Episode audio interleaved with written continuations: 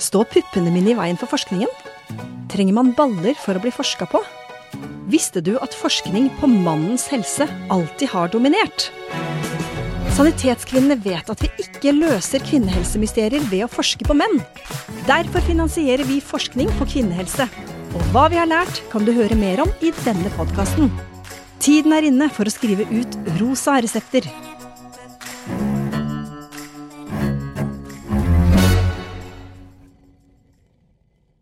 Velkommen! I dag så skal vi snakke om spiseforstyrrelser. Og med oss i dag så har vi professor Jorunn Sundgodt Borgen fra Norges idrettshøgskole. Og vi har også en brukerrepresentant, Marimette Graff. Brukerrepresentant, eh, eller kaller du deg pasient, Marimette? Vet du hva, det er et veldig godt spørsmål. Eh, jeg liker brukerrepresentant, selv om jeg selvfølgelig også er syk. Og når du er syk, så er det fort gjort å tenke at da er man pasient. Men i det jeg definerer meg som pasient, så er det kort vei inn til å kjenne seg litt hjelpeløs og vente på at et behandlingsapparat rundt meg skal sprette opp. Og når det kommer til overspisingslidelse som jeg har, så kan jeg love deg at det behandlingsapparatet stort sett har glimra med sitt fravær. Så nei, jeg er ikke pasient, jeg er bruker. Takk skal du ha. Nå er vi jo egentlig rett inne i temaet, da, Jorunn. Spiseforstyrrelser det rammer vel i utgangspunktet, eller inkluderer vel ganske mange ulike sykdommer og lidelser, er det ikke så? Ja, Det de aller fleste tenker på når vi snakker om spiseforstyrrelser, det er veldig tynne tenåringsjenter. Til og med helsepersonell tenker fremdeles på tynne tenåringsjenter i 14-15-årsalderen når vi snakker om spiseforstyrrelser, og da altså anoreksi. Og det er nok fremdeles den mest kjente spiseforstyrrelsen, anoreksia nervosa, som karakteriseres ved at ja, du taper veldig mange kilo, spiser veldig lite mat, blir veldig syk og har det veldig trist. Og du kan dø av det. Men vanligere er den spiseforstyrrelsen som kalles bulimia nervosa. Det er en spiseforstyrrelse som gjerne starter med et ønske om å gjøre en endring på kroppen sin. Enten redusere fettmassen eller bli mindre i størrelse, endre kroppsform og størrelse. Og så kanskje reduserer man et par kilo, og så for de aller fleste så sprekker jo sånne strenge opplegg med 'jeg skal ikke spise, jeg skal spise veldig lite, jeg skal ikke spise ditt og datt'.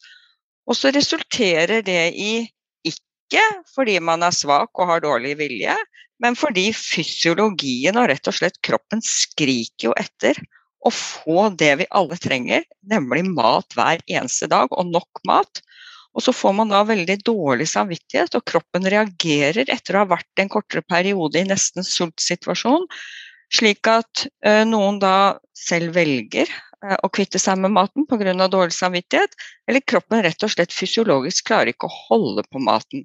Så bulimi er da karakterisert uh, ved at en begynner å overspise, spise store mengder med mat, for så å kvitte seg med den, enten da ved hjelp av oppkast, avføringstabletter, vanndrivende tabletter, og noen misbruker også trening slik at de får et krampaktig og nesten et avhengighetsforhold til trening for å prøve å bli kvitt disse kaloriene. Og så er det en spiseforstyrrelse som kanskje er enda mindre kjent, nettopp overspisingslidelse, som går på at man spiser store mengder mat veldig likt bulimi, egentlig, men man tømmer seg ikke for maten. Altså man bruker ikke oppkast. Og veldig mange av de som utvikler en overspisingslidelse, har gjerne vært gjennom hele dette spekteret av spiseforstyrrelse, kanskje en kortere periode med anoreksi, så over i bulimi, og så over i overspisingslidelse. Og i hovedsak så skyldes jo dette at dessverre ekstremt få får den hjelpen de trenger. Vi vet jo at du kan bli helt frisk fra en spiseforstyrrelse, men du blir ikke frisk av deg selv. Og det er kanskje en av de viktigste meldingene som vi ønsker at lytterne skal sitte igjen med. Og enten det er foreldre eller de som selv eh, sliter og har problemer, eller venner, venninner av noen de kjenner til at har en spiseforstyrrelse. Det er ikke slik at dette går over av seg selv. Og det er ikke slik at vi må vente og se til etter sommerferien eller påskeferien, og så kanskje har det ordna seg. For det ordner seg ikke. Etter sommerferien eller etter juleferien kan det faktisk være for sent. Mm. Og da er det vel noe med dette at spiseforstyrrelser handler også om mye mer enn mat. Er det ikke slik? Spiseforstyrrelser handler om veldig mye mer enn mat. Hadde det vært så enkelt som dessverre fremdeles mange fastleger gir uttrykk for til de som da endelig enten har blitt dratt med til fastlegen av mammaen sin fordi de har mistet menstruasjon og mamma engster seg fordi at eh, jenta kanskje har gått ned litt i vekt. Og så får de beskjed om at ja, men du må bare gå hjem og spise, vet du. Spis regelmessige måltider og få i deg det du trenger, så går dette over. Og når jeg sier at mange starter kanskje utviklingen av en spiseforstyrrelse fordi de ønsker å gå ned i vekt eller gjøre noe med kroppen, så er det en viss andel. Men så er det andre som helt ubevisst og ikke kan gi noen forklaring selv på hvorfor de kom inn i denne situasjonen her. For det kan, som du sa, dreie seg om andre ting. Det kan være følelser som ligger der, en opplevelse av at ah, jeg har mistet kontroll, jeg har ikke kontroll over noe.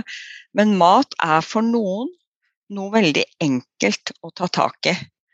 De aller fleste av oss som har prøvd en eller flere slankekurer, vet at eh, kanskje klarer vi å følge opplegget én eller en og en halv dag, og så kommer lunsjen, og så blir det annerledes enn det vi planla. Men så er det da noen som bare skrur på en bryter og blir strengere og strengere og strengere, og opplever at yes, nå har jeg kontroll over noe, nettopp maten. Og så kan det da gå i flere ulike retninger, som jeg snakket om innledningsvis, i forhold til hvilken type spiseforstyrrelse dette blir til. Så ja, det er ikke bare snakk om mat. For de aller fleste så dreier det seg om følelser. Det er en måte å håndtere følelser og følelseslivet på for mange. Mm. Det du sier, Jorunn, det korresponderer veldig godt både med min egen erfaring knytta til mitt liv og min spiseforstyrrelse, og like mye til alle de fortellingene jeg har fått. Eh, det er jo ikke så veldig mange ting vi kan kontrollere fullt ut. Det er liksom søvn, og så er det toalettfunksjon, og så er det mat. Og eh, det er ikke så lurt å rote til med de to første, men mat tenker mange at å, der ligger det også en anerkjennelse, et potensial for anerkjennelse fra omgivelsene på at hvis jeg kontrollerer mitt matinntak, så er jeg flink. Og det er jo også en ting veldig mange pasienter får høre hos mm. legen hvis de nå er stor som jeg er og har gått litt ned vekt. Å, så flink du er. Men uh, det jeg får vite av de jeg snakker med, det er at for uh, dem så er det ikke bra å høre at de er flinke. De vil ikke at det med vekt skal kobles til flink. Fordi i den andre enden av flink, så ligger ikke flink. Og den uh, fordømmelsen så mange kjenner knytta til egen kropp, enten den nå blir veldig stor eller veldig tynn, så handler det jo også for de som er normalvektige, og som vi ikke ja, Normalvektige, det er et grusomt ord, men det kan vi komme tilbake til senere. De som ligger innenfor det vi tenker er normalvekt, som likevel har et skikkelig dårlig forhold til kroppen sin. Alle sammen kjenner det her presset fra yttersida på at vi skal passe inn i en form på hvordan man skal se ut. Og så er det noen som har mer forstyrra briller enn andre. Mm. Men opplevelsen av å bli sett på og vurdert ut ifra din kropps størrelse kan, når du baler med regulering av følelser, fort lede deg inn i at maten og inntaket av den blir den måten du prøver å håndtere følelser på. Enten det er ekstrem restriksjon eller ukontrollert spising. Og Det er jo derfor det du sier, ikke sant? det opplevde ytre presset som jo eh, Sanitetsforeningen har tatt tak i. Det at så mange unge mennesker og voksne opplever et vanvittig kroppspress i dag. Det er sånn fokus, og det er så snevert, det idealet som unge jenter og gutter skal definere seg selv inn i. Eh, og det Sanitetsforeningen har gjort, de har jo gitt midler slik at vi også kan begynne i den enden, for det er jo det vi ønsker. ikke sant? Vi snakker om spiseforstyrrelser i dag, men vi ønsker jo alle å forebygge at så mange unge jenter og voksne utvikler så alvorlige problemer. Og vi har mm. jo da via eh, to doktorgradsarbeider klart å utvikle et program som har vist å ha en gunstig effekt når vi har tre undervisningstimer på videregående skole og elevene får noen enkle arbeidsoppgaver og får være med på denne interaksjonen, så har vi faktisk klart å vise at for jentene så var dette effektivt i forhold til at de fikk en bedre opplevelse av egen kropp, ble mer kritisk til alt det de opplever utenfra i forhold til fokus og trykk på det, at det er så viktig å ha en spesiell kroppsform eller utseende. Så vi hopper jo litt nå, men, men, men, vi ønsker jo å forebygge de alvorlige tilstandene vi allerede har vært inne på. Og jeg bare syns det er så viktig å melde allerede nå at det er altså muligheter for å forebygge at så mange får alvorlige tilstander. Forebygge at det oppleves så enormt, det trykket, i forhold til forventninger om den kroppen som du sier, eh, Marimette, som liksom er idealet, som har kanskje ikke såkalt ideal vekt engang, men undervekt, ikke sant? Eh, mm. For at man skal passe inn. Så jeg ville bare nevne det, at vi, vi har da prosjekter som viser at det går an å forebygge det. Ja, og hvor mange altså Hvis vi skal gå litt inn, vi skal komme litt tilbake igjen på dette med forebyggingsprosjektene, for det er jo prosjekter som har gått noen år, og vi har resultater. Men, men uh, si litt, grann, uh, Jorunn, om hva er din motivasjon egentlig for å bry deg om denne problemstillingen, og når startet det? Ja, vet du hva, det startet veldig tidlig, for jeg opplevde jo selv Jeg var uh, turner Eh, og opplevde faktisk at eh, en av jentene i min klubb, som var norgesmester i turn, hun var den første idrettsutøveren som døde av anoreksi nervosa. Og det er klart at det Hun var jo vårt forbilde, og jeg var i en eh, Det var på de tider hvor trenere pleide å veie jentene på trening, og vi fikk beskjed om hvor mange kilo vi måtte gå ned til neste mandag osv. Og denne Helga Bråten, som hun het, hun klarte jo dette her. Hun gikk ned i vekt, hun var vårt forbilde, hun gjorde som treneren sa. Mens vi andre fikk litt kjeft innimellom, vi da, fordi vi ikke gikk ned i vekt. Og det er klart at når du kommer i en så alvorlig situasjon, og vi ungjentene da på 13-14 år, vi skjønte jo ikke hvor alvorlig dette var etter hvert, før hun da dør av anoreksi. Og jeg opplevde jo dessverre i mitt miljø mange som ble alvorlig syke.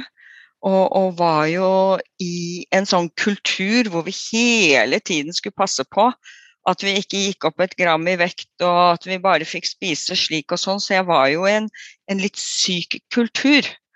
Men så begynte jeg som student på Norges idrettshøgskole og opplevde at jøss, det var jo ikke bare i min idrett det var sånn. Det var i mange andre idretter hvor det var brytere, det var skiskyttere, det var skihoppere som snakket om denne viktigheten av å ha en spesiell kropp og vekt. Og jeg opplevde mange rundt meg som var syke.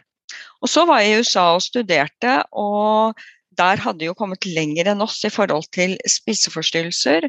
Og da de så der på Psychology Department at jeg hadde den bakgrunnen jeg hadde fra Norges idrettshøgskole, og det jeg hadde studert der, så sier de kunne du tenke deg å gjøre et prosjekt på, på spiseforstyrrelser blant de som er idrettsutøvere på universitetet. Fordi vi opplever her på Psychology Department at vi får så mange henvendelser fra idrettsutøvere som vi har tenkt på som de, de, friskeste i verden, men som er alvorlig syke. Så gjorde jeg et prosjekt der eh, i, i USA på å sammenligne de som representerte ulike idretter på universitetet med de som da ikke deltok aktivt i idrett, og fant da at det var en overhyppighet av eh, idrettsutøvere sammenlignet med de som ikke drev idrett, som hadde problematisk forhold til kropp, vekt og mat, og altså spiseforstyrrelser. Og det var faktisk veldig banebrytende. Det var på ja, da snakker vi 83-84, da dette ble publisert. Og da var det nesten ikke gjort noen ting på dette feltet i idretten. Så det, det fikk veldig mye internasjonal oppmerksomhet. Og så kom jeg hjem til Norge, og så tenkte jeg at eh, vi må jo gjøre noe med det. For jeg hadde jo hele tiden Helga i bakhodet, og mange andre dessverre som jeg visste var blitt syke. Og så eh, søkte jeg om opptak på um, doktorgradsprogram på Norges idrettshøgskole. Og gjorde da Da var det, jeg må bare være ærlig, da var det mange som flirte. Nei, men herregud, disse her spiseforstyrrelsene, det er jo bare å, å spise og gi hverandre en klem, så går dette her over, vet du. Det er ikke noe stort problem. Men jeg fikk heldigvis eh, backing av eh, sentrale personer i det idrettsmedisinske miljøet til å gjøre et prosjekt på, på landslagsjenter, og der vi dessverre fant at langt flere landslagsjenter, junior og senior, hadde spiseforstyrrelser sammenlignet med kvinner i samme aldersgruppe. Så, så, dessverre, da, allerede da, når jeg var ferdig med det doktorgradsarbeidet i type ja, tidlig på 90-tallet, så hadde vi de tallene. Og vi har gjort mange undersøkelser senere. Og Sanitetsforeningen har støttet oss, og vi har kunnet gå videre og også se på andre forhold som er knyttet til dette med spiseforstyrrelser. Man tenker på idrettsutøvere som friske, flotte ja, som har det godt med seg selv og ikke strever og kaver med, med alvorlige spiseforstyrrelser. Men vi vet at spiseforstyrrelser har mange konsekvenser. Blant så, så skjer det at utenpå friske eh, idrettsjenter eh, har skjelett som 80 år gamle damer. Fordi de ikke spiser nok, mister menstruasjonen sin og får osteoporose. Mm. Så den type undersøkelser, og, og, jeg husker noe av det første som var viktig for oss da, at vi fikk midler fra Sanitetsforening til å se på um, kvinner i samme aldersgruppe og sammenligne her, for det var jo ingen som kunne tro at det sto så dårlig til med idrettsjentene. Og så gjorde vi det samme da på kvinner i samme aldersgruppe som hadde mye bedre verdier. Og det er jo, ja, det er jo bare tragiske funn. Men vi har altså gjort arbeid, arbeid på arbeid. Vi vet at dette er et stort problem. Og er mulig vi kommer inn på det senere, men det er altså min kjepphest hvorfor ikke idretten har tatt tak, ønsket å prioritere og gi midler til denne type arbeid. Mens da Sanitetsforeningen stepper inn, enten det er forebygging eller temaer knyttet til, som har link til dette her, for at vi skal få gjort denne viktige forskningen. Slik at vi til syvende og sist kan slippe at så mange unge utøvere og ikke-utøvere blir liggende igjen i grøfta. Mm. Jeg tror at en av grunnene er at det her har vært assosiert først og fremst med damer. Det er ikke til å stikke under en stol at kvinnehelse har langt mindre status enn mennshelse. Og i tillegg så er det ofte sånn at så snart en sykdom og symptomtrykket kan linkes til hvordan vi håndterer følelser, altså psykisk helse, så er det fortsatt tabubelagt. Og det er også veldig mange som har en moralsk holdning til det, nemlig om at det bare handler om å skjerpe seg. Og det er klart at Hvis du tenker at det er et individuelt problem som bare handler om å skjerpe seg hos primært dame, ja, da er det dessverre kort vei mm. til at uh, området ikke blir prioritert. Mm. Jeg tror du har veldig rett der, eh, Mari Mette, i forhold til at vi må se det i et litt større perspektiv. Eh, I forhold til at eh, kvinnehelse i seg selv er litt sånn mm. stemoderlig behandlet. Og det prøver jo Sanitetskvinnen å gjøre noe med, da, i forhold til sin forskningsinnsats. Både det å se det som ingen andre ser, men også ta pulsen på den tiden vi lever i. Og dette er jo på en måte selv om, selv om spiseforstyrrelser kanskje er litt Man kan vel ikke akkurat si det er noe sånn moderne, egentlig, eller populært eller sånn, men, men har dette vært en diagnose eller diagnoser eller sykdommer som har lenger Kan vi, kan vi skule lenger tilbake i historien her i forhold til dette, Jorunn? Ja, vi kan gå helt tilbake på 1800-tallet. Så denne anoreksien, eller spisevegring som noen enda kaller det, den har vært kjent i veldig mange år. Eh, men som jeg sa innledningsvis, så er det ekstremt få, egentlig, heldigvis, for å si det sånn, av de som utvikler spiseforstyrrelser som har denne synlige spiseforstyrrelsen. Eh, men jeg mener jo at eh, helsepersonell selvfølgelig altså Hadde dette vært en hjerte-karlidelse, så hadde jo dette vært øverst oppe på prioriteringslista. I og med at den er så alvorlig og dødelig sykdom. 15% dør av spiseforstyrrelser. Så ja, Elisabeth, vi, vi, vi, den har vært kjent i veldig mange år, mens bulimi eh, ikke kom på agendaen før på 80-tallet. Og så overspisingslidelser bare for noen år siden, faktisk. Så det er forholdsvis nytt. Men, mm. men jeg er jo helt enig med dere. Dette her har vært ansett som, og delvis anses som fremdeles, en kvinnelidelse. Og har vært langt nede på prioriteringslista. Og det er jo det, er jo det Sanitetsforeningen gjør. De tør å ta tak i det som andre lukker øynene for. Hvor mange er det vi egentlig snakker om av de ulike gruppene? Eh, er, det, er det liksom har vi noen prosentandel, kan vi si? Ja, når vi snakker om kvinner, jenter og kvinner, så dette er jo veldig avhengig av hvilken definisjon man bruker når man gjør undersøkelser. Men eh, når det gjelder anoreksi og bulimi, så snakker vi om et sted mellom 1 og 13% Og så vil jeg anta at når det gjelder overspisingslidelser, så er det enda mer vanlig. Det er ikke gjort gode kartleggingsstudier eh, her i Norge.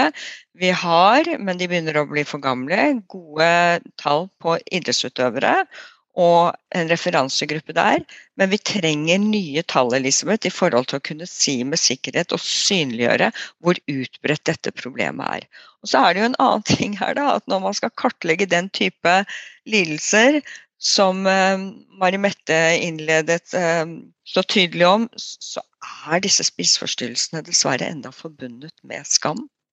Mm. Eh, som gjør at mange venter i altfor mange år før de i det hele tatt tør å oppsøke behandlingsapparatet. Og så når de da opplever i tillegg ofte dessverre å bli møtt av behandlingsapparatet med at dette er jo ikke noe problem, dette er ikke noe vi skal bruke tid til, og vi har ikke et behandlingsopplegg, vil noen også møte i hvert fall de med overspisingslidelser for disse spiseforstyrrelsene. Da får vi ikke gyldige tall man, når man gjør den type undersøkelser. For vi ser jo i de studiene vi har gjort, hvor vi har hatt anledning til å først bruke spørreskjemaundersøkelse, hvor man screener for det, så er det jo mange som underrapporterer. Og det finner vi ved at vi har hatt anledning til å gjøre såkalt totrinnsstudie, hvor vi først bare, bare bruker spørreskjema, og så innkaller vi til intervju.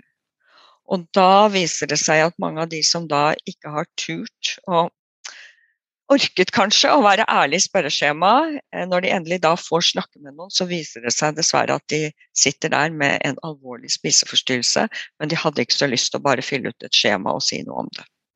Nei. Mari Mette, du må fortelle litt om din historie her. Altså, når begynte dette, og hvordan, hvordan har du på en måte selv utviklet forståelse for hva som feiler deg? Min vei inn i sjukelig overvekt og overspising det starta sittende inne i klesskapet på rommet mitt hjemme hos mamma og pappa en eller annen gang i løpet av barneskolen. Spisende på fyrstekake som jeg faktisk hadde kjøpt for penger jeg hadde stjålet fra mamma sin veske.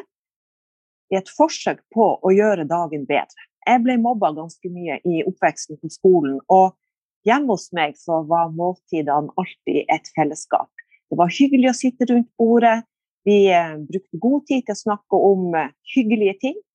Og den gode følelsen som utvikla seg da, den opplevelsen av fellesskap og at også selvfølgelig hormonene i kroppen hadde det bra, både pga. at jeg fikk mat og fordi at det var en hyggelig setting, det prøvde jeg da å gjenskape i mørket i klesskapet. Eh, selvfølgelig så genererte det et visst fyrverkeri som ble trigga av fett og sukker i fyrstekaka, men den mest eh, dominerende følelsen etterpå, det var jo nederlag. Nederlag fordi at det ikke ble bedre. Nederlag fordi at jeg hadde stjålet penger fra mamma sin veske. Nederlag fordi at jeg ikke torde å snakke om det her hjemme. Og selvfølgelig, alle de her nederlagene i sum, det skapte en kjempestor opplevelse av skam.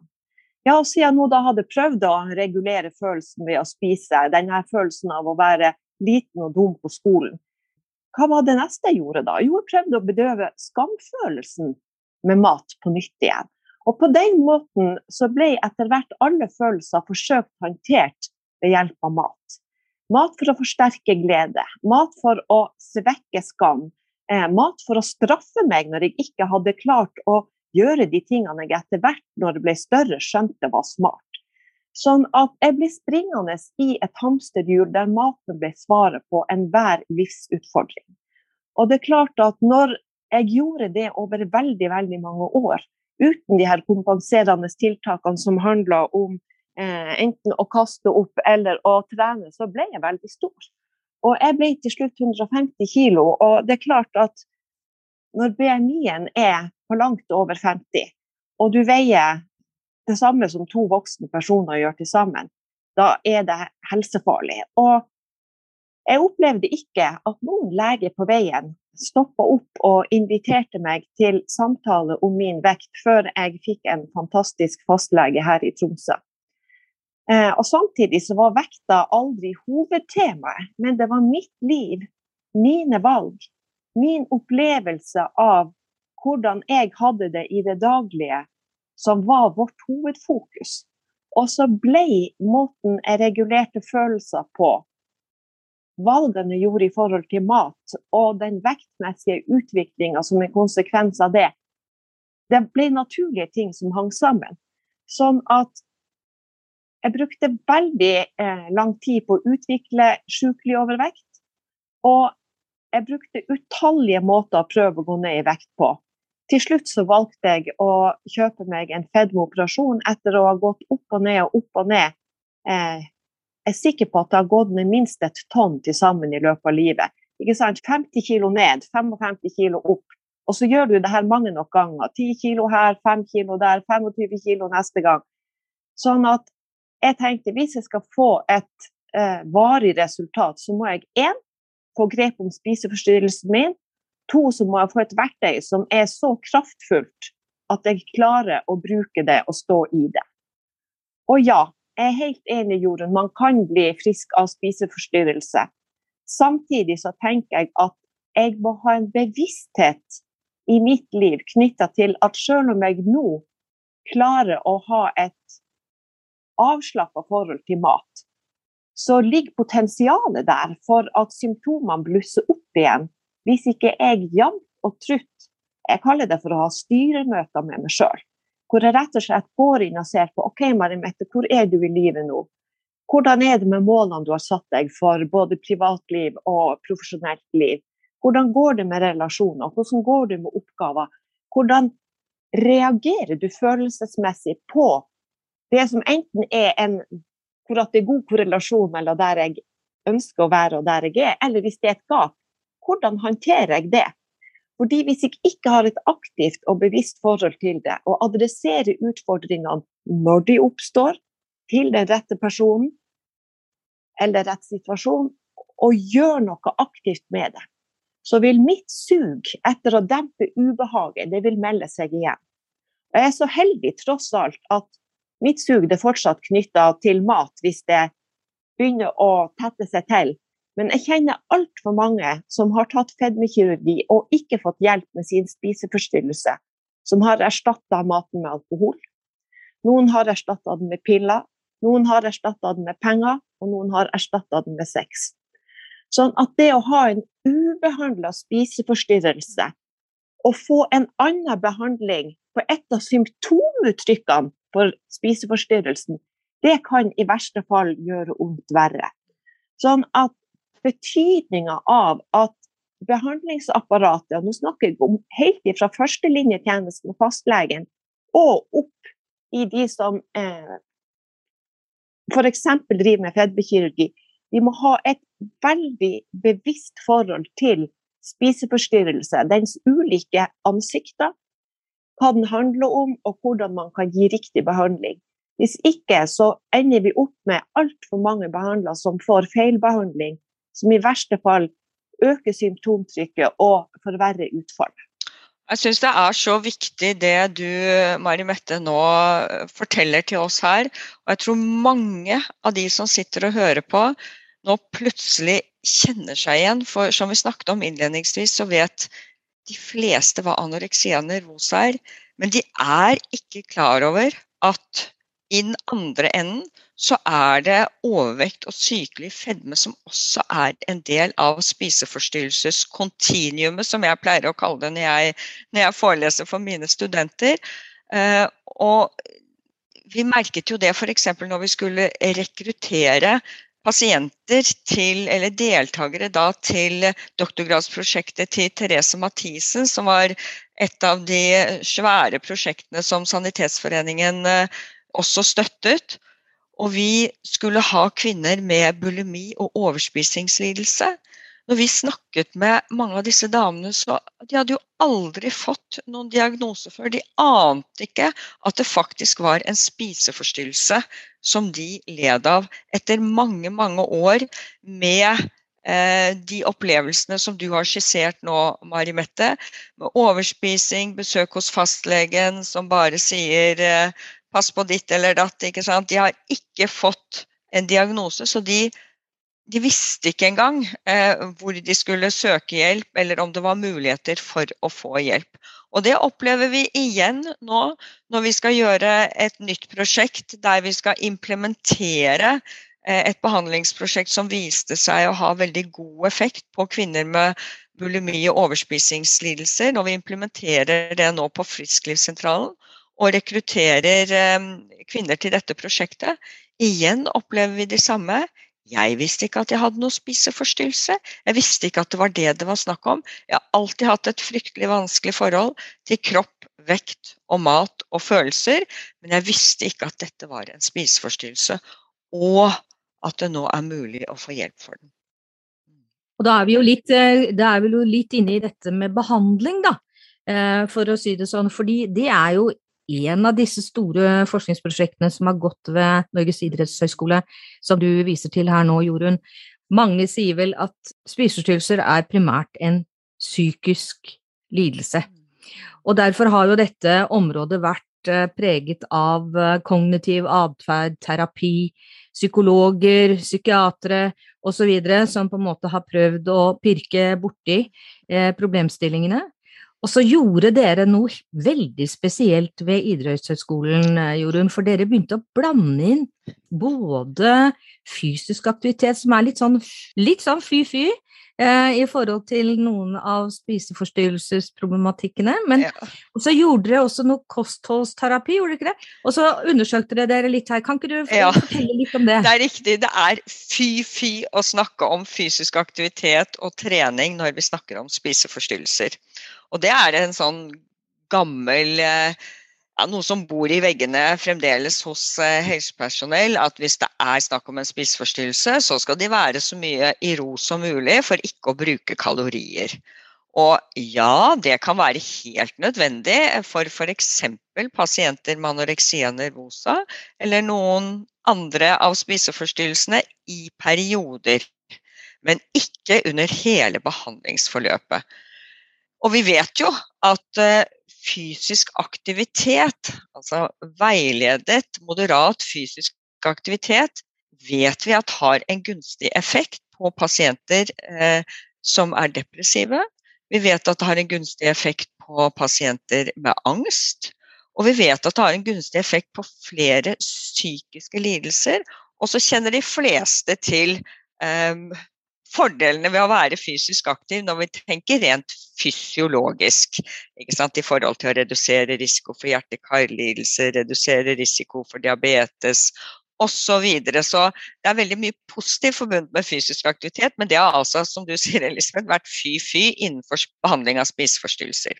Og så er det slik at i alle år så har kognitiv atferdsterapi vært sett på som gullstandarden eh, når man skal behandle pasienter med spiseforstyrrelser, og da spesielt behandling av kvinner med bulimi. Det var per dato vi startet prosjektet gjort fryktelig lite på kvinner med overspisingslidelse.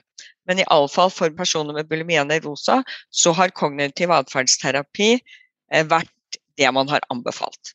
Og så tenkte vi at nei, vi har gjort Jeg hadde gjort et uh, mindre studie for uh, en god del år siden, hvor vi hadde forsøkt oss med uh, fysisk aktivitet og også med noe ernæringsveiledning. Da fant vi at det hadde en bedre effekt enn kognitiv atferdsterapi.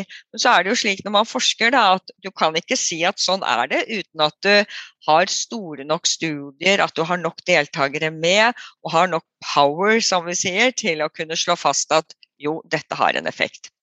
Så da, når vi var heldige og fikk eh, midler fra Sanitetsforeningen, så begynte vi å tenke nå må vi få testet ut dette skikkelig. Så Therese Mathisen, som var doktorgradsstipendiat på det prosjektet, og vi utviklet da et nytt behandlingsopplegg der vi kombinerte veiledet fysisk aktivitet, en kombinasjon av styrketrening og utholdenhetstrening, og kostholdsveiledning, ernæringsveiledning. Så da, vi, da fikk ikke kvinnene selv, eh, for det kan vi ikke gjøre i forskning hvis vi skal få ordentlige resultater, de fikk ikke velge om de ville være med i dette nye behandlingsprogrammet, eller om de ville være i den gruppen som fikk det vi til nå da har kalt gullstandarden kognitiv atferdsterapi. Så vi trakk lodd uh, om hva de skulle være med på, og de var med på en av disse gruppene i 16 uker. Og det er over 160 kvinner som har vært gjennom dette behandlingsopplegget. Så det er et gedigent prosjekt og masse, masse arbeid. Og masse ny læring og kunnskap knyttet til disse to pasientgrupper.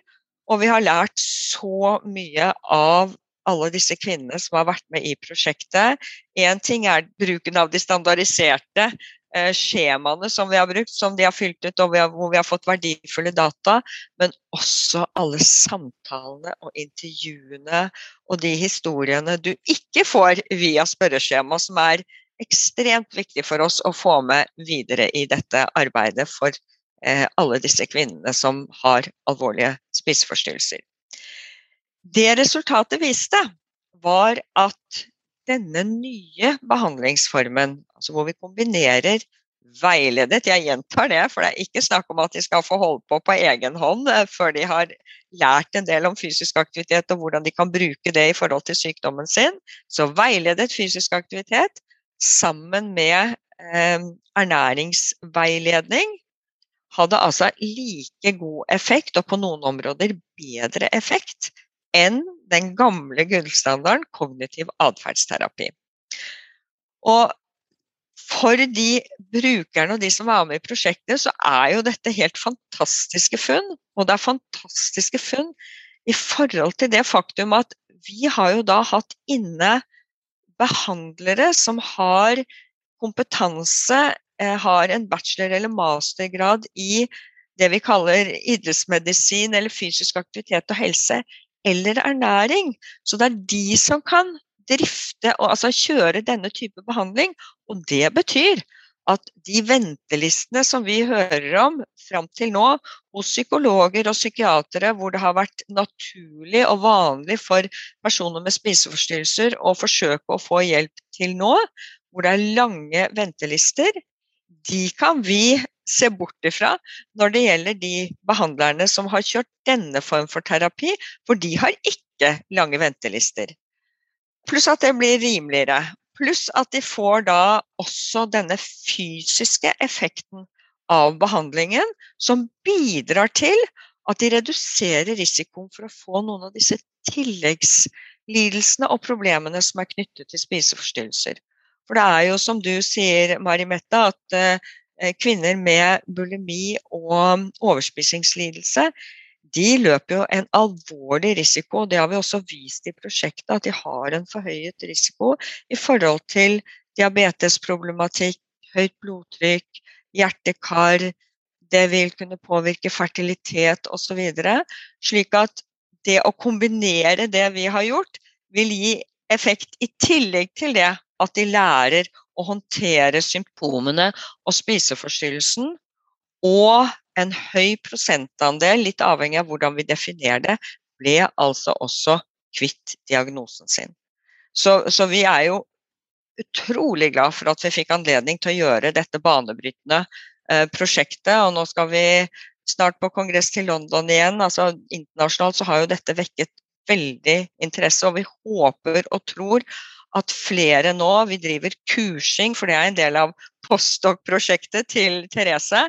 Vi driver kursing av flere, slik at flere kan holde denne form for eh, eh, terapi.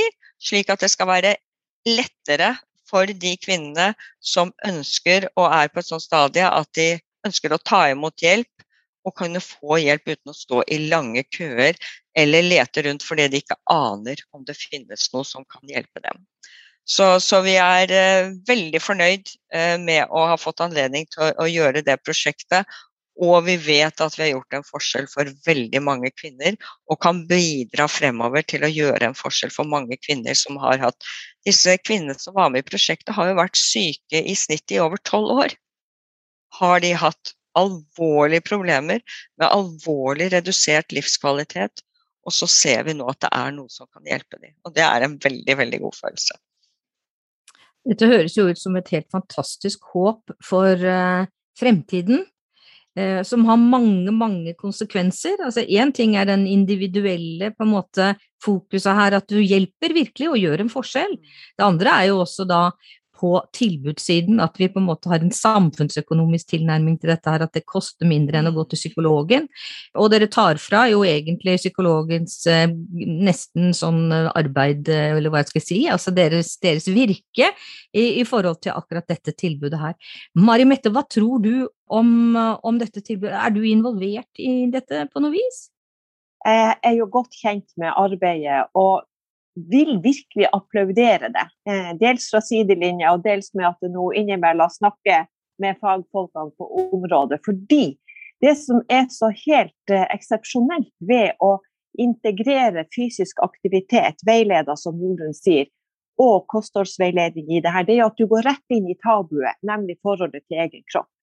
Ved å gjøre kroppen og bruken av den til en aktiv del av behandlinga, så hjelper du pasienten til å face problemer og utfordringene.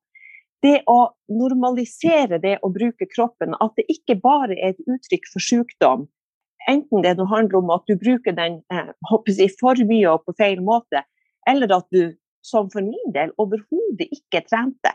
Altså det her tabuet jeg kjente i forhold til å bevege meg ute i verden, det å alltid være den største, det er ikke så kult. Eh, du ville aldri funnet meg på eh, et treningssenter. Du ville heller ikke finne meg ute i turløypa, fordi skammen var mye tyngre enn alle de kiloene som tallene måtte vise på badevekta. Sånn at det å lære seg å bruke kroppen sin og måtte håndtere de følelsene som kommer til uttrykk, kommer opp når du gjør det, og kunne få hjelp til det. For det regner med, Jorunn, at mm. dere sikkert opplever at mange syns det er vanskelig. Absolutt, og, og som du sier, eh, det der å, å, ikke sette kroppen til side mens man behandler eh, psykologisk, opplever jo vi som ekstremt viktig. Fordi via eh, fysisk aktivitet så får du også kontakt med egen kropp igjen. Og du er nødt for å forholde deg til egen kropp. Og det disse kvinnene rapporterer, det er jo veldig få av de har drevet styrketrening tidligere. Og Elisabeth og jeg har jo lekt litt med, med, med en sånn tittel på et prosjekt et 'Sterkere kvinner i, i Norge'. ikke sant? Det ville forebygget så mye muskel-skjelettproblematikk. Og ikke minst, det hadde økt selvfølelsen til så mange kvinner. Og det er det også disse jentene, eller, jentene eller kvinnene som var med i prosjektet påpeker når vi snakker med dem. det å bli introdusert til en ny aktivitetsform. Det er ikke nødvendigvis slik at du skal gå eller løpe på tredemølla. Noen liker å gå tur i skogen, og det er helt topp i et sånt uh, behandlingsregime. Men det å få veiledning på styrketrening og kjenne at faktisk kroppen min funker jeg blir sterkere.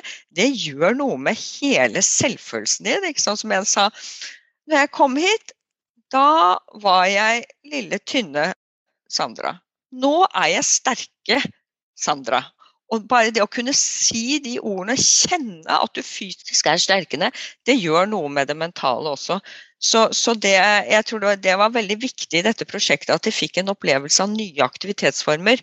For det er noen, selv om du sier Marimette, at du ikke hadde noe forhold til trening eller ikke misbrukte det som mange har gjort. ikke sant? Og Det er derfor som du innledet med Elisabeth, at det har vært litt fy-fy, dette med trening. Fordi vi vet at det er et symptom for mange, rett og slett. At de misbruker fysisk aktivitet. ikke sant? Det er en straff, rett og slett. Så mange må jo relære å bruke fysisk aktivitet som noe helsebringende.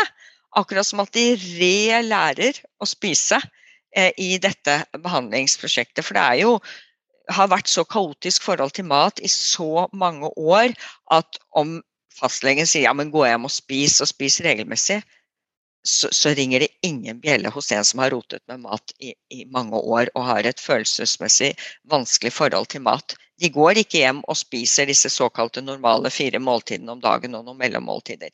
Så det må relæres, og det samme da aktivitet. Og så må det jo da etter hvert, ideelt sett, tilpasses den enkelte. For noen liker å bevege seg til musikk og danse, og syns at det er utrolig deilig og motiverende. Noen likte kjempegodt å bokse og få ut masse aggresjon, ikke sant. Så her kan vi jo også skreddersy litt i forhold til ja, hva noen sitter igjen med kanskje noen gode minner fra de var små og yngre og de holdt på å spille håndball eller de syklet ute med venner eller hva de gjorde, og tar opp den type aktiviteter som de har gjort tidligere.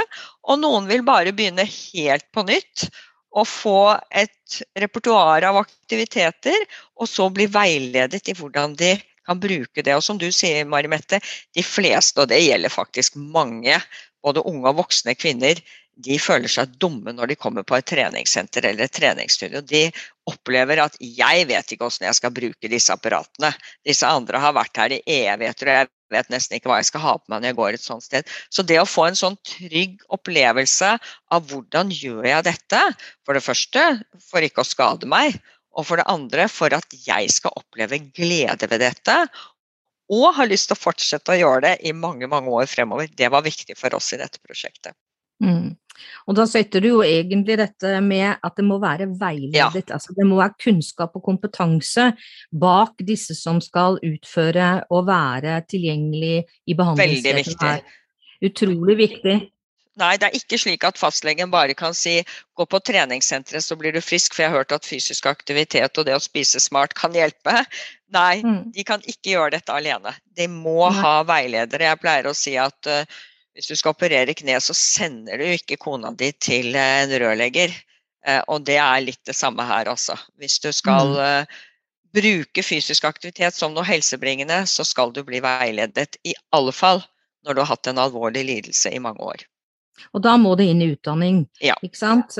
Både, altså både, helt grunnutdanningen i forhold til helseprofesjonene her, ja. men også videre i forhold til kunnskapsutvikling. Ja. Eh, og det må vi jobbe for, fordi vi vet jo at det finnes jo så dårlig utgangspunkt i helseprofesjonene våre i forhold til kunnskap rundt kvinners helse mm. og kunnskap rundt kjønn. Eh, vi har ikke vært så veldig borti kjønn her, men det er jo primært jenter og damer vi snakker om. Det finnes naturligvis også spissforstyrrelser som rammer menn eh, og unge gutter. Eh, vi kan komme litt tilbake til det, men jeg har lyst til å ta tak i én sak. og det, Vi er jo inne på behandling. ikke sant? Hvilket tilbud kan vi gi? Og så vet vi nå at eh, vi har jo vært, og er fortsatt, i en pandemi. Og i mars så meldte Statens underkommisjon for helse- og omsorgstjenesten en betydelig økning av psykiske plager blant barn og unge. Og spesielt så gjaldt dette her alvorlig depresjon, men også alvorlige spiseforstyrrelser. Og det med at uh, disse tilbudene som finnes, de har lange, utrolig lange ventelister. Vi snakker jo nå da om alvorlig uh, spiseforstyrrelser, og i sommer så slo åtte av landets største sykehus alarm i forhold til tilbudet for disse. Og dette, vi, dette meldes jo også da fra rådgivningstjenesten, altså ROS, som, som dere kjenner, som melder det samme. Og eh, hva skal vi gjøre her, da? Mm. Det, jeg håper å si Vi vet jo at kriser eller plutselig endringer er eh, en alvorlig risikofaktor i forhold til forverring og opprettholdelse av en spiseforstyrrelse. Og når plutselig alt blir annerledes, alle systemer, alle regler som eh, de kanskje har i forhold til å delvis håndtere spiseforstyrrelsen, og de i tillegg ikke får lov til fysisk å møte behandler, eh, så raser verden sammen eh, for de med spiseforstyrrelser. Og jeg har jo erfart mange og fått mange henvendelser, ikke bare fra de som allerede var syke, men kanskje de som før pandemien utgjorde en viss risikogruppe, hvor dette virkelig har trigget. For alt blir utrygt og usikkert. Så jeg tenker jo at eh, med de erfaringene vi har nå fra det nye behandlingsopplegget, og det at vi vet nå så tydelig hva som skjer i forbindelse med en sånn uh, krise som vi nå har vært gjennom, ønsker jeg å si, i forhold til pandemien, så vet vi at vi må bare ha en beredskap. Vi må ha en beredskap. Og så er det noen sånne regler som behandlere må komme i forkant av. Altså i en tidlig fase si til, til um, de de har i behandling, det er dette altså Internett på godt og vondt. Men det har vært eh, forferdelig for mange, for da har de gått inn og lest på destruktive sider og fått det enda verre når de da ikke har hatt en fagperson å snakke med. Så det er i mine øyne fy-fy. Altså det er ikke tillatelse nesten til å gå inn på nettet. Det er veldig mye fint, veldig mye kunnskap der, men de som er hypersensitive i forhold til alt som går på kropp, vekt, mat, følelser, ja, for de så har det vært veldig destruktivt i forbindelse med pandemien å bruke mer tid på nettet. Og Derfor eh, tenker jeg at dette med konsekvenser av pandemien også inne på dette tematikken spiseforstyrrelser er viktig å ta med seg. Eh, vi eh, skal også snakke litt om forebygging, fordi noe av eh, dette med å kunne forebygge er jo også sentralt. Mm. Og da har jo Norges idrettshøgskole gjennom eh, Jorunn her også to store intervensjonsprosjekter mm. eh, som, som, har eh, tuslet og gått noen år innenfor videregående skole, og du nevnte noe om det innledningsvis. Mm. Fordi dette undersøker jo også hvordan elevene, eller hvordan da disse guttene og jentene ser på seg selv. Mm. Eh, og så blir de da, eh, blir de da i utgangspunktet også på en måte adressert rundt tematikk som også berører dette spiseforstyrringsperspektivet. Mm. Kan du snakke litt, kan du fortelle litt mer om de to prosjektene, Jorunn? Ja. De går med, altså vi har tatt utgangspunkt i det som selvfølgelig var tilgjengelig av eh, litteratur i forhold til anbefalinger når det gjelder hva er det, vi, hva er det som har vært gjort tidligere eh, når det gjelder forebygging hvilke forhold er det som synes helt vesentlig å ta med i den type intervensjoner? For før i gamle dager så trodde man jo liksom at hvis man skulle forebygge spiseforstyrrelser, så skulle man snakke om de farlige spiseforstyrrelsene. Men det har vi jo gjort prosjekter på og vist at det gjør jo ting verre, egentlig. Eh, kan i hvert fall bidra til å gjøre det. Så det er ikke snakk om å snakke om spiseforstyrrelser, men det er snakk om å ha fokus på forhold som kan øke motstandskraften i forhold til å få et vanskelig forhold til kropp, vekt og mat, og også redusere risikofaktorer for at de utvikles. Og noe av det som jeg tror mange av oss voksne tror at eh, nei, elever i 16-17-årsalderen de eh, bryr seg ikke om kunnskapsformidling. Men de var altså så sugende på kunnskap og sier 'fortell oss hva som er riktig', da. For de er også frustrert. ikke sant? De sitter på nettet og de leser, og det er dessverre ikke veldig mange som er veldig kritiske til hvor kilden, kilden er. Eh, eh, eller hvor dette stoffet de leser kommer fra. Og dermed så sluker de jo veldig mye som også er direkte vranglære. Sånn som et eksempel var når vi sier at en, en, viktig del av denne intervensjonen var ren kunnskapsformidling, hvor vi selvfølgelig involverer elevene og får de i tøffe diskusjoner med hverandre og med oss som, som fagpersoner. F.eks. dette her med, med, bruk av proteintilskudd. eh, som eh, vi jo har gjort og har tall på, som vi i går fikk akseptert en artikkel, så den publiseres snart. Eh, tall på hvor stor andel av både gutter og jenter som bruker kosttilskudd, ikke for å bli bedre i idretten sin, men rett og slett for å endre på kroppen sin. Eh, og vi vet at det kan være alvorlige konsekvenser knyttet til bruk av store doser av proteintilskudd. Og det er dyrt. Og jeg pleier å si til elevene at det er bare dyr tiss, for du tisser det rett ut, for du har ikke bruk for det. Men ikke sant, sånne type ting, hvor de leser på nettet hvor nødvendig det er for at du skal få større muskelmasse og mindre fettmasse osv. Og så kommer vi da med faktaopplysninger. Det, det, førte jo til veldig tøffe diskusjoner, men nødvendige diskusjoner. Og så ser vi da når prosjektet er over at oi, her har de faktisk lært noe, her har de endret holdning til dette også. Det er én ting, eh, altså kunnskapsformidlingen, men ikke minst det å gi ungdommene en kritisk sans i forhold til hva de leser og hva de absorberer av det de hele tiden eksponeres for. At de faktisk kan være med på å velge hva de skal følge, hvem de skal følge og hva de skal lese. Eh, for var jo, elevene var jo liksom der at åh, ja, vi, det er dette kroppspresset, og det er slitsomt, og det er press på alle områder osv. Men hva skal vi gjøre?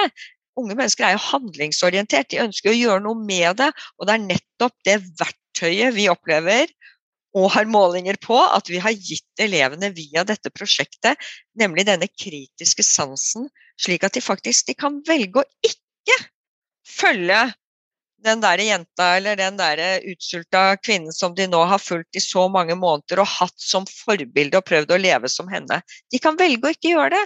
Vi kunne jo se endringer når vi kom inn i klasserommet. Så sitter de jo da og scroller før alt begynner. ikke sant? Så ser du liksom at hele selvfølelsen synker hos noen av disse jentene etter hvert som de scroller seg ned på noen av disse idealene som de sitter og ser på og følger. Så det å gi de denne kritiske sansen til hva de velger å bruke tid på når de er inne på nettet, det er viktig. Og noe som ungdommer gjør veldig mye, det er å sammenligne seg med hverandre. Så det har vi også brukt mye tid på. Og også velge, altså lære de til å bruke andre ord og uttrykk istedenfor altså eksempel så hadde vi noe rollespill ikke sant, hvor hvor sånn typisk det står en guttegjeng der og snakker sammen, og så kommer det en jente forbi og så Å, se på den ræva der, eller den rumpa der, den var dritbra, ikke sant? Sånn. Eh, er det sånn vi omtaler jenter? Eh, hva kunne du ha sagt istedenfor? Eller når mor sier at 'bare spis, det er så mye sunn mat på kjøkkenet', 'vi har mye sunn mat, bare spis mye'. Altså det å omformulere seg, bli bevisst på hvilken type prat eller ordvalg som kan få ganske katastrofale konsekvenser. Så rett og slett en bevisstgjøring og trening eh, blant eh, ungdommen til å, å ha en holdning og en atferd som reduserer risikoen for at de opplever eh, dette kroppspresset så sterkt, og at de da reduserer risikoen på sikt for å få en spiseforstyrrelse. Det er det i hovedsak som prosjektet har gått ut på. Så mye dialog. Og elevene er jo bare helt fantastiske. Det er så mye fantastisk ungdom, og de er så de, de er jo, Vi er jo heldige, for dette er jo en tematikk som opptar de veldig. Så de er veldig ute etter å diskutere. De er ute etter å tilegne seg kunnskap som de sier selv, som de kan stole på. For de blir frustrert. For den ene dagen ser de det, og neste time ser de det. Så jeg tror det betød veldig mye, og det har kommet frem òg når vi har intervjuet de etterpå, det at det faktisk var fagpersoner. Det var noen de hadde tillit til og kunne stole på, som kom og formidlet eh, dette budskapet. Så, så, det har vært helt fantastisk, og det var tydelig lærerne opplevde at dette her er viktig. For de mm. opplever jo at dette påvirker læringsevnen, konsentrasjonsevnen til elevene. Det at de opplever dette kontinuerlige presset og har fokus der, istedenfor på å ha en kropp som funker, og som har det ok med seg selv. Så det har vi jo også, da. Vi har jo en bolk som går på livsstil. Og der har jeg vært opptatt av kroppen som skal funke. Ikke om den veier ditt eller datt eller har så og så mye muskelmasse eller kan løpe så og så fort, men at den faktisk funker i det daglige liv, slik at du har overskudd til å ha det bra og være sammen med jevnaldrende og gjøre det som du har lyst til å gjøre. Mm. Fokuset på hva du klarer, hva er utgangspunktet, hva kroppen ja. din er skapt for. Ja, så vi har jo også selvfølgelig en siste bolk, er jo selvfølelse. Mm. Som er helt sentral og som de faktisk har fått arbeidsoppgaver for å jobbe med den, og hvor vi ser at den øker når vi gjør langtidsoppfølging på prosjektet. Så, så det er um, et prosjekt som heldigvis har hatt en god effekt. Ja, og dette er jo en av de store satsingene som Sanitetskvinnene har, eh, har gjort rundt dette med skjønnhetstyranniet og skjønnhetstyranniets eh, konsekvenser og ny kunnskap rundt akkurat eh, konsekvensene eh, og innholdet i hva vi skal legge i dette med skjønnhetstyranni. Så disse to intervensjonsprosjektene i videregående skole, eh, de vil ha så sterke resultater i forhold til at vi også vil må måtte se, tror jeg, på hvor vi skal gå inn tidligere, mm. altså inn i barneskolen. For mange av disse tingene ligger jo latent og kommer på en måte frem når du er faktisk enda yngre enn vi snakker om i videregående skole. Er det ikke sånn, Jorunn? Jo, det er selvfølgelig ønsketenkning å kunne gå inn enda tidligere. Samtidig så, så, viser litteraturen det at de skal også være i en viss alder for å klare å, å, ta imot en del av dette. Så det må selvfølgelig tilpasses veldig eh, en, en yngre aldersgruppe, for det er noe de kognitivt ikke er i stand til å håndtere sant, av, av, av, disse temaene her. Men, mm. Og det er gjort få veldig få uh, forskningsprosjekter lenger ned i alder. Og så er det et dilemma der uh, når man skal gjøre forskning på de som er under 16 år. Det er jo at da skal foreldrene akseptere at de er med på et forskningsprosjekt. Mm. Som betyr at du må ha skriftlig tilbakemelding fra mamma og pappa om at det er greit at barnet mitt er med i prosjektet. Og, og, når man skal gjøre forskningsprosjekt som er berammet til en viss periode, så kan det i seg selv, bare det å innhente denne godkjenningen, ta ekstra lang tid. Samtidig så vet vi jo nå at veldig, veldig mange foreldre ser og opplever at ungene deres dessverre har et, eh, et sykt forhold til kropp, vekt og mat allerede.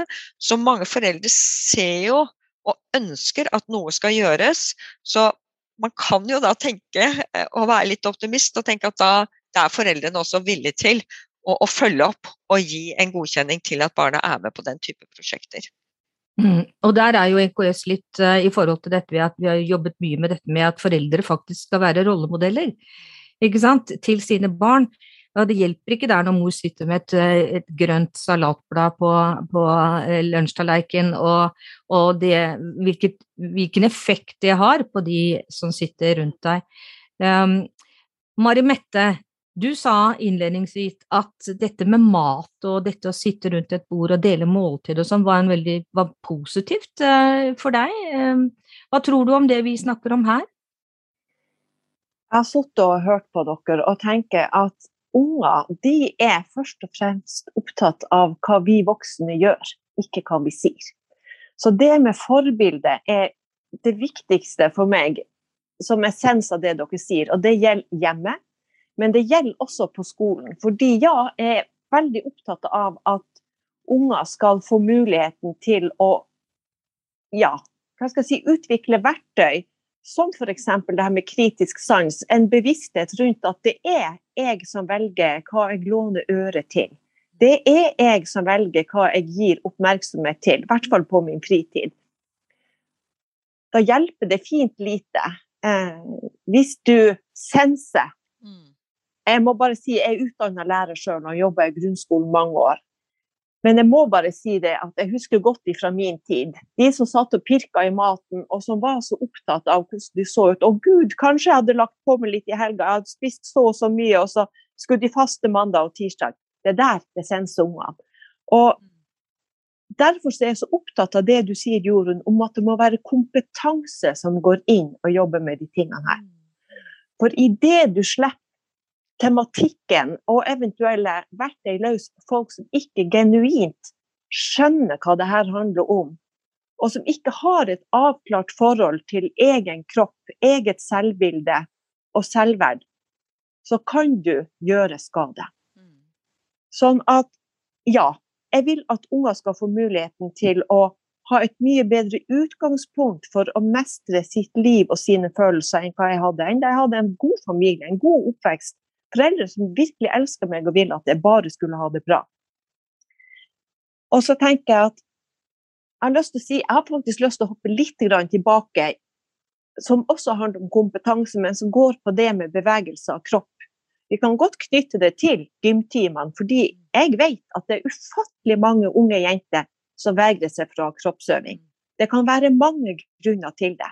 Men jeg har fått ganske mange fortellinger, og da spør de Mari Mette, hvordan skal jeg klare å skjønne at når pulsen stiger og pusten blir anstrengt i gymtimen, så er det ikke av frykt, men fordi at det gjør kroppen min godt. Dette er mennesker som kan ha vært utsatt for overfallsvoldtekt. Det kan ha vært mennesker som har eh, opplevd overgrep fra en partner eller en annen nærslektning. Så sitter de f.eks. og skal gjøre yoga, og så skal de mm. spre beina. Og så kommer panikken og tar dem. Dette er det altfor lite kunnskap om. Og veldig mange skjønner ikke hva som skjer, verken ut av de som kjenner denne veldig gjennomgripende kroppslige opplevelsen av frykt knytta til fysisk aktivitet. Og det er slett ikke sikkert at den som er instruktør, gjør det heller. Sånn at vi må få økt kunnskap inn i utdanning om hvordan belastende livserfaringer kan dukke opp i de mest uventa situasjoner og innhente deg som en bumerang og sette deg helt ut av spill. Og da er det kjempeviktig at den som er f.eks. da instruktør, enten i yogaklassen eller mm. driver styrketrening, uansett at de har kompetanse både på å se, forstå og håndtere. Jeg er så glad for at du tar opp uh, dette, Mari Mette, og det, det knyttes jo til, til det Elisabeth snakket om. Vi må få dette inn i utdanningen til ulike profesjoner. Eh, våre kroppsøvingslærere som vi utdanner på Norges idrettshøyskoler og som utdannes på andre høyskoler, sånn, de må ha kunnskap i forhold til at en viss andel av elevene har med seg noe i bagasjen som de må kjenne til. Hvordan de punkt én, kan bidra til å forebygge at eh, det de gjør, trigger det. Og ikke minst hvordan de da skal håndtere det hvis det oppstår en situasjon. Og selvfølgelig bidra til å forebygge at nye opplever traumatiske situasjoner. Og selvfølgelig, dessverre, kroppsøvingslærere har påført så mange elever traumer i tidlige barneår som de har dratt med seg helt opp i voksen alder. Så der er vi nødt for å øke kompetansen, både når det gjelder de temaene vi har, har snakket om nå, og ikke minst dette med seksuell eh, trakassering og overgrepsproblematikk. Fordi vi vet Eh, vi vet prosentandelen, selv om den også er underrapportert, som har opplevd det. Så de vil garantert møte i hvert fall én eller to i hver eneste klasse eh, med noen utfordringer. Og da snakker vi helt fra første dag på, på i grunnskolen til de er ferdige studenter. Så det er kjempeviktig. Og, og, det samme som du sier med trenere og instruktører. Og det er derfor jeg ikke kan få sagt det nok, at er det noen med en kjent lidelse så skal de som skal ta seg av de, ha en fagkompetanse som gjør at de kan håndtere det vi nå sitter og diskuterer. Men vi må mm. få mer kunnskap om spiseforstyrrelser. Altså Spiseforstyrrelser er et så neglisjert område, f.eks. i medisinerutdanningen og psykologutdanningen. Jeg tror medisinerne har to timer med spiseforstyrrelser. Det har ikke blitt noe bedre der. Det er klart at Da kan du ikke si så mye annet enn at du må gå hjem og spise normalt etterpå når du har en mm. til konsultasjon. Og det må inn i Vi har det i noen av miljøene hvor det er utdanning av kroppsøvingslære. Der må det inn hos alle. Fysioterapeutene og fysioterapiutdanningen har nå begynt å ta dette på, veldig på alvor. Det er flere av våre og de som har vært prosjektledere nå, som har vært eh, senest siste uke inne på fysioterapi og hatt, um, hatt uh, undervisning Så det begynner å spire nå, men vi må sørge for at dette blir satt i system. Slik at ikke flere opplever traumatiske situasjoner i skolesituasjon eller i andre settinger. Fordi fagpersonene ikke kjenner til denne problematikken.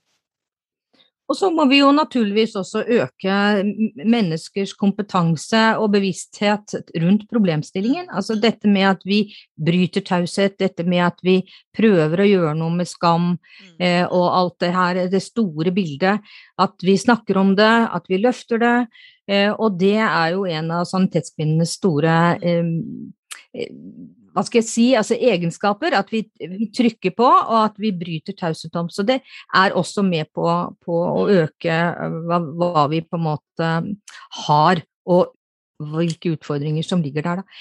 Eh, vi begynner å nærme oss litt sånn, øh, tenker jeg, mot avslutning. Men øh, dere, er det noe dere har lyst til å snakke mer om, eller komme med noen råd til? Hva skal vi si til våre lyttere i forhold til hvis de er der og trenger trenger noe hjelp eller noe tiltak? Er det hva kan jeg gjøre hvis jeg skjønner jeg har et problem?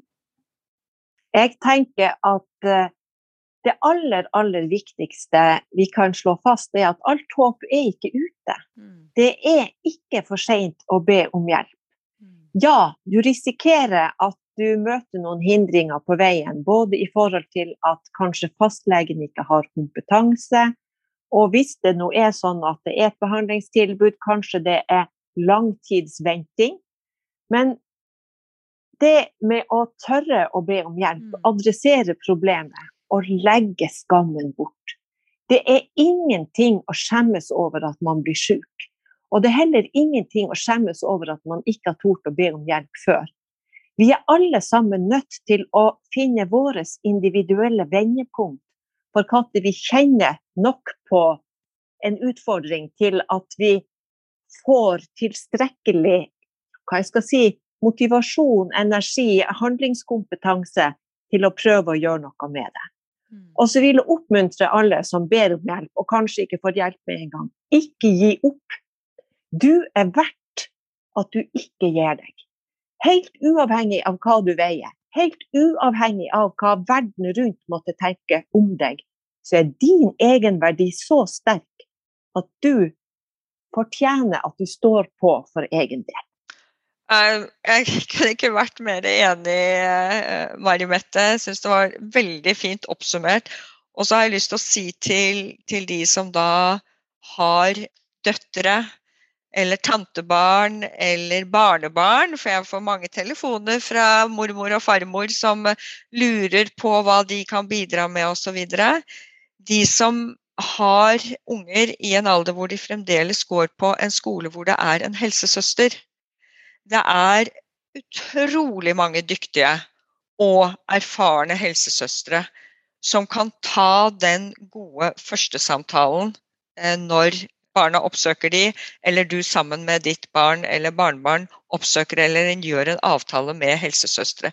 Ja, de har veldig mye de skal gjøre, men min erfaring er at de lytter, de tar deg på alvor, og de kan hjelpe deg videre i systemet i forhold til det å få hjelp.